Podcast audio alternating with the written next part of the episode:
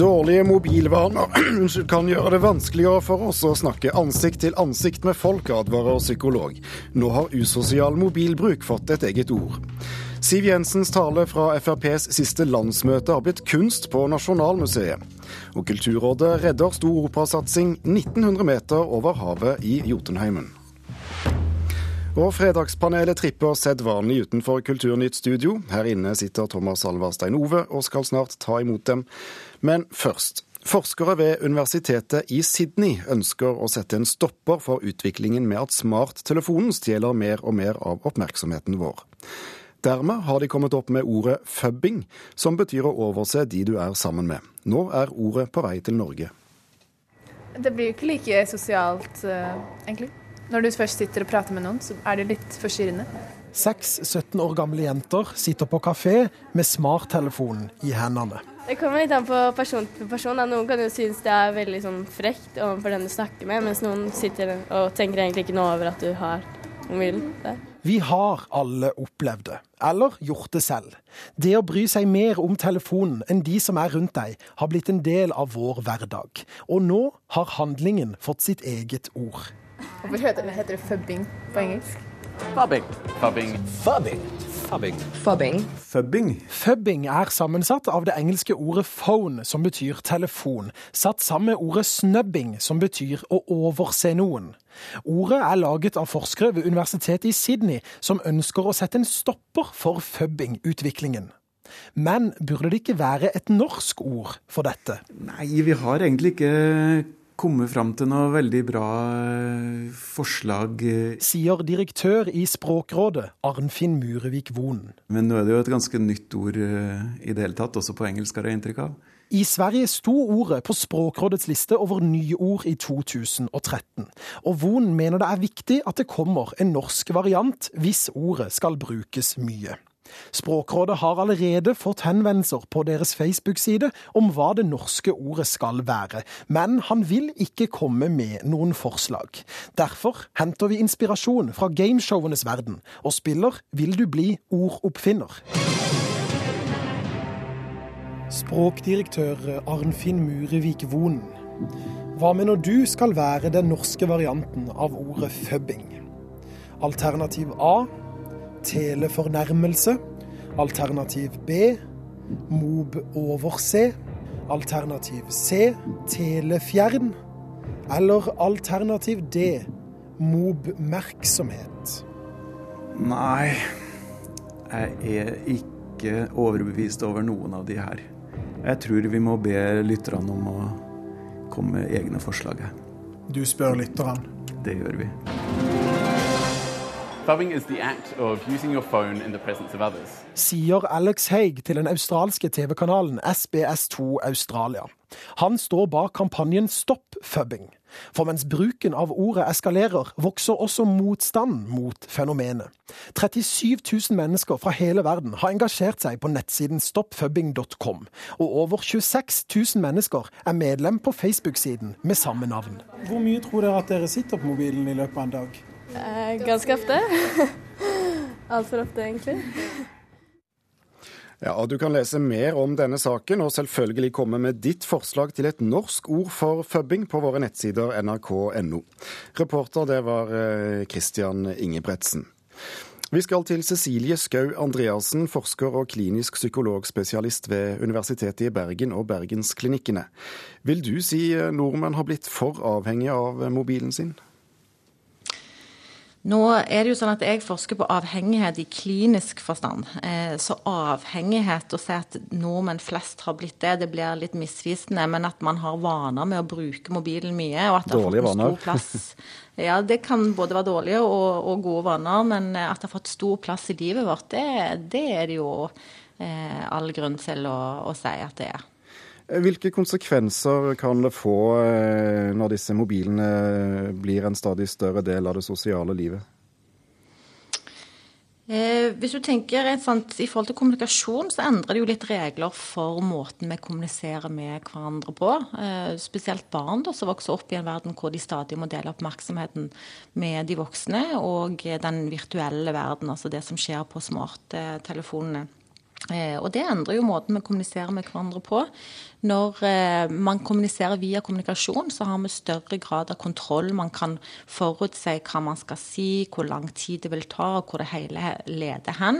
Mens i vanlig face to face, altså ansikt til ansikt-kommunikasjon, eh, så blir man mer konfrontert med si, litt vanskeligere type følelser, eller det er litt mer rotete. Man har ikke samme grad av kontroll, slik at man kan gjerne miste, satt på spissen, da, evnen til å ha enkle konfrontasjoner i eh, ansikt-til-ansikt-relasjoner.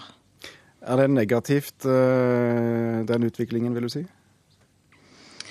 Noen forskere vil jo hevde at det er negativt eh, som sådan. men Eh, samtidig så tjener jo mobilen til veldig mange positive ting òg. Eh, så det er viktig å få fram at man på en måte Man kan jo gjøre nesten alt fra hvor som alt, eh, eller hvor som helst nå for tiden. Eh, men det som kanskje er utfordringen, det er det at eh, man stadig er påkoblet, og det utfordrer vårt behov til å være noe avkobla. Nå har eh, australierne eh, kommet med dette ordet fubbing, og eh, Språkrådet får da hjelp til en, en, norsk oversettelse av det. Når, når, dette problemet eller fenomenet har fått et ord, blir det tatt mer på alvor da, tror du? Det blir iallfall lettere å snakke om det når man har begreper, så er det lettere å kommunisere om eh, fenomenet. Eh, og så blir det sannsynligvis vil det komme forskning på dette fenomenet. Nå sjekket jeg i går for å se om det var noe systematisk forskning som var gjort i forhold til føbbing, og det er det ikke. Så det er litt for tidlig ennå, men det kommer nok til å komme inn i ulike undersøkelser som gjør òg da at man vil få mer kjennskap og kunnskap til fenomenet. Både med positive effekter av det og mindre positive effekter av det. Tusen takk for at du var med oss i Kulturnytt, Cecilie Skau Andreassen, forsker ved Universitetet i Bergen og Bergensklinikkene.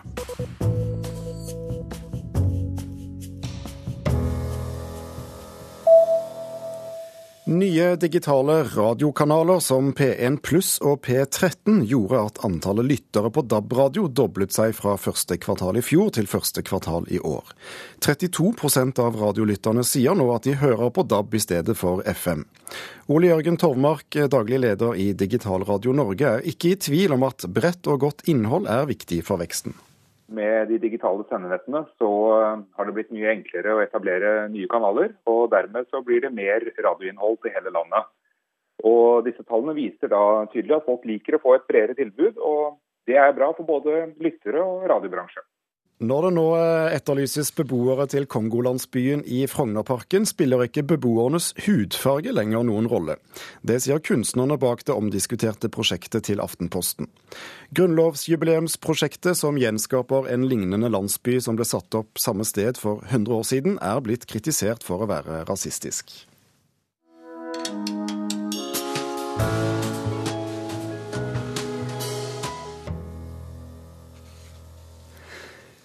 Nasjonalmuseet åpnet denne uken sin femte utstilling i forbindelse med grunnlovsjubileet. De fire første forsøker å skape et tidsbilde fra tiden rundt 1814 gjennom kunst, design og arkitektur. Så da er det vel bare naturlig at det er 2014 som er fokus på Museet for samtidskunst. Utstillingen heter 'Grip friheten', og Mona Palle Bjerke, vår kunstkritiker, på hvilken måte setter de 2014 og 1814 i sammenheng? Ja, dette er en utstilling som gjennom et mangfold av kunstnere og med dagens øyne forsøker å se på de eh, filosofiske og politiske idealene som står sentralt i Grunnloven.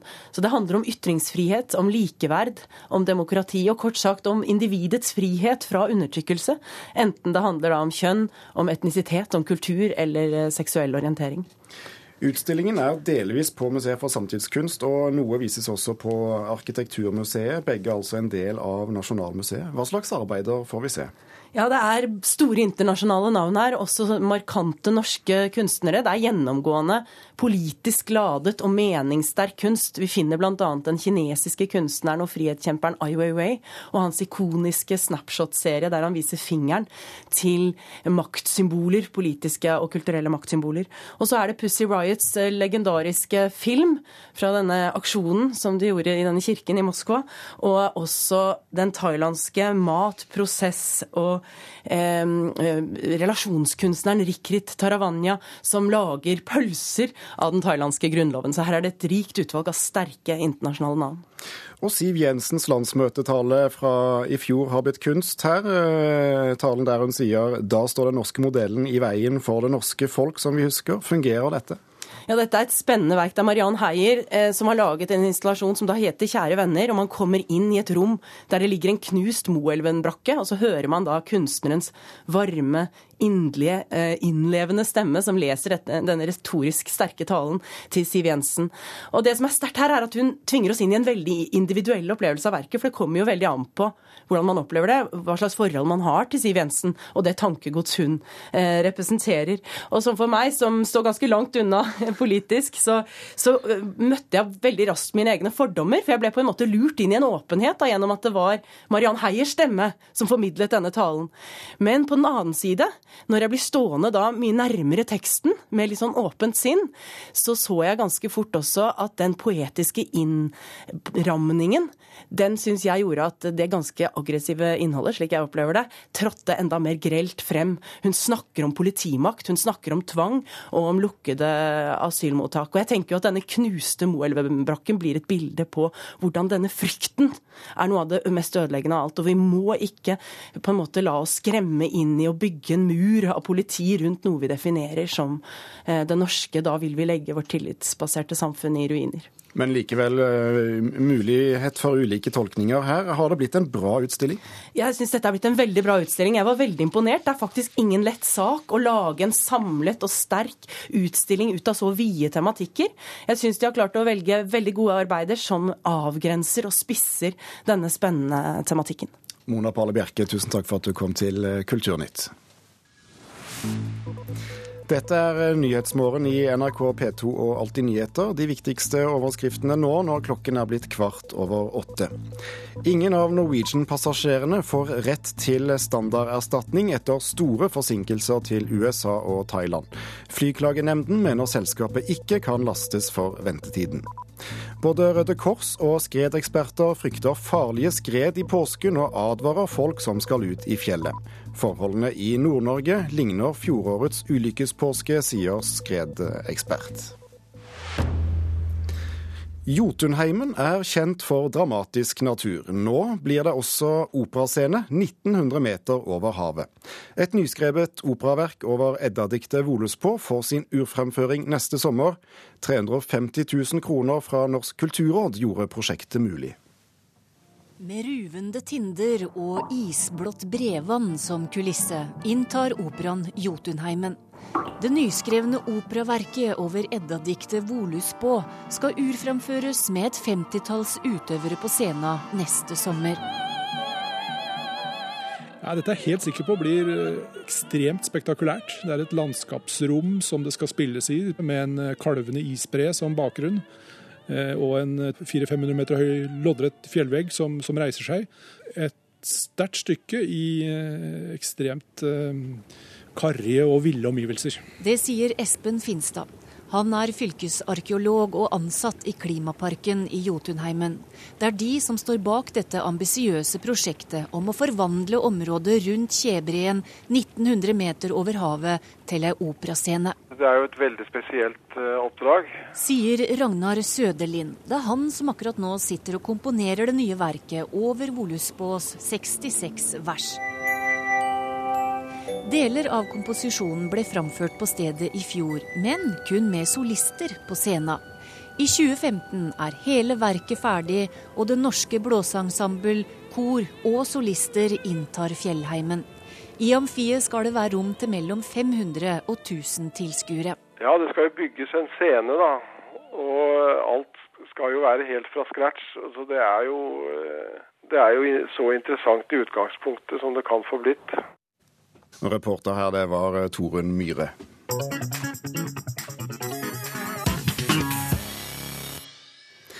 I Fredagspanelet i dag har vi fått følgende bøtteballett til å ta ukesvasken i kulturlivet. Olav eh, Bråstrup Müller, journalist i Gudbrandsdølen Dagningen og forfatter. Håkon Gundersen, journalist i Morgenbladet, blant annet. Og Arne Berggren, blant annet forfatter. God morgen. God morgen. God dag, god dag. Vi gyver løs på første spørsmål. Mandag fortalte vi her i Kulturnytt at det på kun to år har vært en over 20% økning i antall arbeidsløse kulturarbeidere og kunstnere som går på dagpenger. Og på tirsdag kunne du høre at det utdannes for mange skuespillere her i landet. Spørsmålet er er det bra for det norske kulturlivet, all denne lediggangen? Skal vi begynne med Gundersen? Eh, svaret mitt er i grunnen nei. Bergen? Ja. Müller? Nei. Nei, Skal vi ta ja først, da? Ja, for det ender jo paradoksalt nok opp med at eh, det blir så mye depresjon og uro, og det settes i gang så mange tiltak at folk begynner å forstå at eh, vi ikke har behovet for alle disse eh, kunstnerne. Man er ikke kunstner fordi man har en utdannelse. Man må på en måte, altså det, det går opp for folk at det er et eller annet galt med måten vi dimensjonerer disse virkemidlene og utdannelsene volumet av antall kunstnere som går ut og venter å være kunstnere, er for høyt. Müller, nei, sa du? Nei, altså, Det er litt sånn todelt, dette her.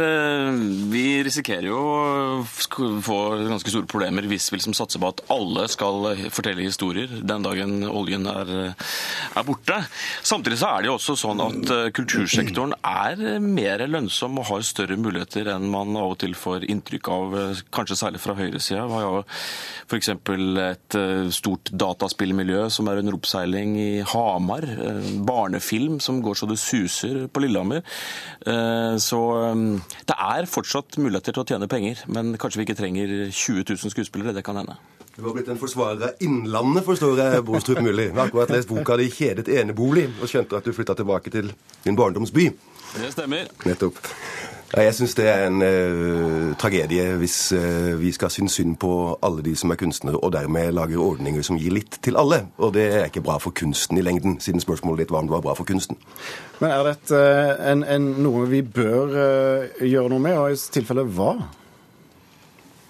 Tidligere hadde man jo tuberkulosen som tok seg av liksom bestanden av kunstnere og var med på å regulere den ganske effektivt. Nå ser det ut som at regjeringa prøver å ta på seg den rollen, da. så vi får se hvordan det går. Dette utvalget som er satt ned, som vurderer økonomien i kunsten For eksempel? Ja. Men en annen ting som lett kan Et greit virkemiddel det er å rive ned de plakatene som står på busser og trikker og tog overalt, med reklame for kreative skoler. Mm. De er ufine i måten de lokker Rett og slett sakesløs ungdom på. lureri, er det det du sier? Vil du bli kunstner, kjenn kunstner til 1989. Og Altså, betal sånn- 30 000 kroner i halvåret. Det er mye, det er mye, det er mye gale forventninger rundt der. Altså det er mye, og denne overgangen mellom kreative yrker og kunst, den er, den er veldig rar. Så det er blurry. La oss gå videre til neste spørsmål. Forrige uke var det på svensk TV premiere på TV-serien 'Trolljegerne'. I serien oppsøker et TV-team med Robert Aschberg i spissen mennesker som hetser anonymt på nett. Men eksperter advarer mot å gjøre folk til større syndebukker enn de er, og flere reagerer på at alvorlig trakassering gjøres til underholdning. Bør det likevel komme en norsk versjon av programmet? Gundersen? Absolutt. Bergen? Nei. Müller? Ja. Ja? Nei da. Bergen først. Nei, altså man ser Robert Aschberg som er innbegrepet av skalla, aggressiv mann. Han, han har liksom vært eh, cheerleaderen for eh, aggressive kommentarfelt i årevis. Jeg tror ikke et øyeblikk at en mann som det er ute for å gjøre verden bedre. Og jeg så noen klipp fra programmet.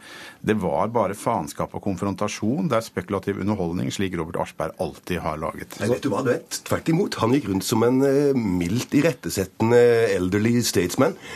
Slett ikke sånn som vi husker han fra diskusjonsprogrammet på 90-tallet. Ja, jeg så faenskap, jeg, altså. Men, men, Mylla, hvem kunne du sett for deg igjen eh, som programleder for en norsk variant av dette?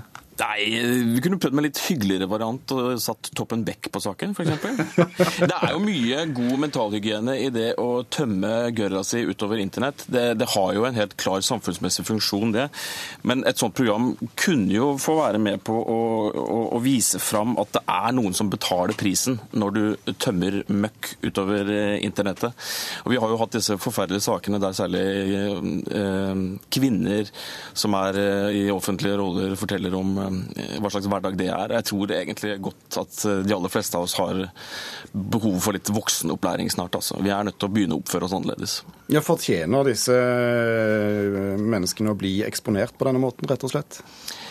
Ja, jeg syns jo egentlig det. Men det er jo et sånn hårfint landskap her da, mellom gapestokk og, og, samfunnsbygging. Så det må gjøres på riktig måte. Men jeg ser behovet. Jeg tror det kunne fungert. Dette er jo bare, Det er jo dassveggene som norske aviser og publikasjoner velger å kjøre ut i offentligheten. Dette er folkedypet. Alt dette har alltid vært der. Folk har skriblet ned i leskura på bussholdeplasser og tegnet tissemenn og skrevet at altså, det er ikke noe nytt. Dette har alltid vært der. Men skadeomfanget er større enn noen gang? Da. Ja, men det er norske aviser. det er er, det er liksom Aftenposten, VG, Dagbladet, NRK Jeg er helt enig i det du sier der. Ja, ikke sant? Og jeg mener det er virkelig bra at folk får altså Gørra skal være der på campingplasser og i fylla på Lorry, men det, er, det nye er at norske medier syns det er så viktig del av ytringsfriheten. Eller noe det bullshit. Det er jo norske redaktører, norske aviseiere og avishus som skal skamme seg. Det er der feilen ligger. Så tror jeg akkurat nå at vi har flere eksperter på uh, sosiale medier og på nettroll enn vi har nettroll. ja, det... Kanskje det er det vi skal leve av etter oljen? Vi får skynde oss videre til siste tema denne fredagen. For denne uken gjennomførte Konkurransetilsynet en razzia hos de fire største norske forlagene, mistenkt for å hindre andre forlag i å levere bøker til kiosker og dagligvarebutikker. Kulturpolitikere fra regjeringspartiene truet prompte med å stanse den nye bokavtalen dersom det viser seg at de store forlagene har begått lovbrudd. Så vi spør, bør forlagsbransjen miste sine privilegier dersom det viser seg at de har brutt loven? Müller kanskje først? Nei. Eh, nei, de må vel dømmes etter det, det, de har gjort. Men jeg tror ikke de skal miste privilegiene. Bergen? Nei. Klart nei fra alle her i gjestene i studio har gitt ut bok. Eh, kanskje ikke, ikke noe sjokk, men eh, hvorfor eh? Nei, For det første så er det bokbransjen. Dette handler om litteratur. At de store forleggerne er rå, primitive kapitalister, det har vi visst lenge. Det er ikke noe nytt. De er der for å tjene penger, og de må holdes i tømmene. De må, de må ettergås hele tiden. Men de privilegiene, som det kalles Privilegier er et også tendensiøst ord, men, men de avtalene vi har, er til nytte for norsk litteratur. De er hardt eh, kjempet for av norske forfattere, ikke minst Forfatterforeningen. Så i det øyeblikket man skal straffe noen forleggere som har hatt en uheldig praksis, i stedet for å sette dem i fengsel, eh, så går det direkte utover norske forfattere eh, umiddelbart. Eh, og det er det disse avtalene i stor grad handler om. Enig i det på Lillehammer? Ja, jeg er egentlig enig med Berggren her. Eh, vi må spørre oss hvem vi egentlig straffer hvis vi begynner å straffe forlagene. Altså, Vi har jo en, en, en litteraturpolitikk her i landet som andre land misunner oss. og Særlig med tanke på at vi er et land som har fem millioner innbyggere. Vi er et knøttlite språkområde. Så vi trenger de forlagene vi har. Men eh, vi skal heller ikke ha noen illusjoner om at eh, forlagene vet hvordan de skal tjene penger. og, og går for det. Hensiktsmessig kartellvirksomhet, altså. Ja, det kan man si. Men noe her som bekymrer meg, det er jo at så vidt jeg kan forstå, det er vanskelig vanskelig å forstå denne saken. Men det er Narvesen som jeg alltid har likt. Også etter at det har blitt eid av Reitan og Rema-folket. Det er jo et eller annet der at de store forlagene ikke lenger vil selge sine bøker gjennom Narvesen. Og selv om Narvesen er i raskt forfall når det gjelder å selge aviser, tidsskrifter og bøker, så har de iallfall hittil hatt noen butikker som er de reneste bokhandlene. Og det er jo for galt at de ikke skal få lov til, at ikke vi kan stå og lese bøker lenger jo, inne ser... på gode Narvesen-kiosker. Ja, samtidig så er det jo noe der når du ser trynet til en sånn Reitan-aktør, så, så, merker du at det er, det er, ikke noen som er der på vegne av norsk litteratur.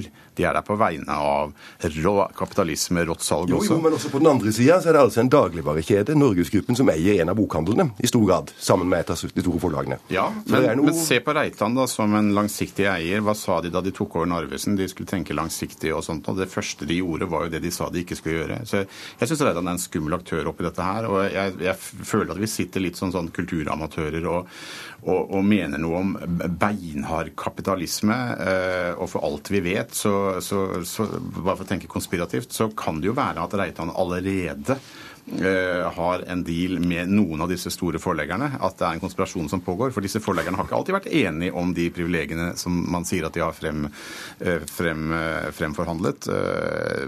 Slipp Reitan løs i dette her, la dem ta, ta vekk privilegiene til bokbransjen. Og plutselig så ser vi at Reitan kjøper hele dritten. Det er jeg heller ikke så keen på. William Nygaard går ut i Dagens Næringsliv i dag, tidligere Aschehoug-sjef, og sier han angrer på at forlaget kjøpte Nord Nordli-kjeden.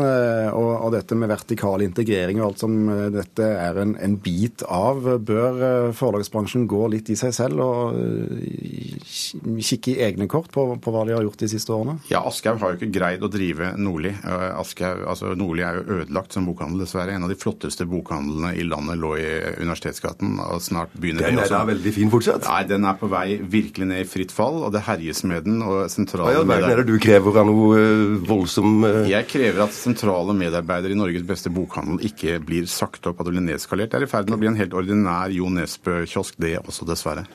Hvordan er eh, situasjonen på Lillehammer? Det var i overkant pessimistisk, Bergen.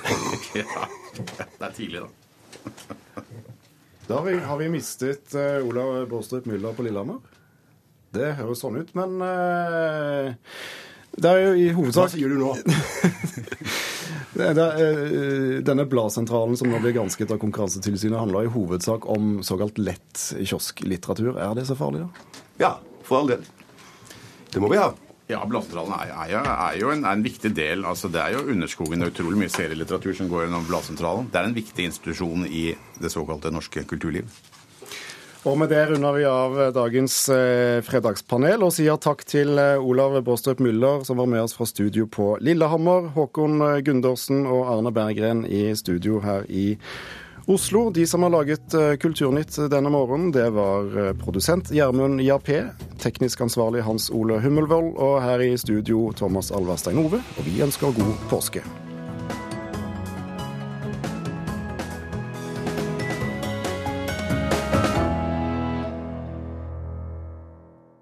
Hør flere podkaster på nrk.no podkast.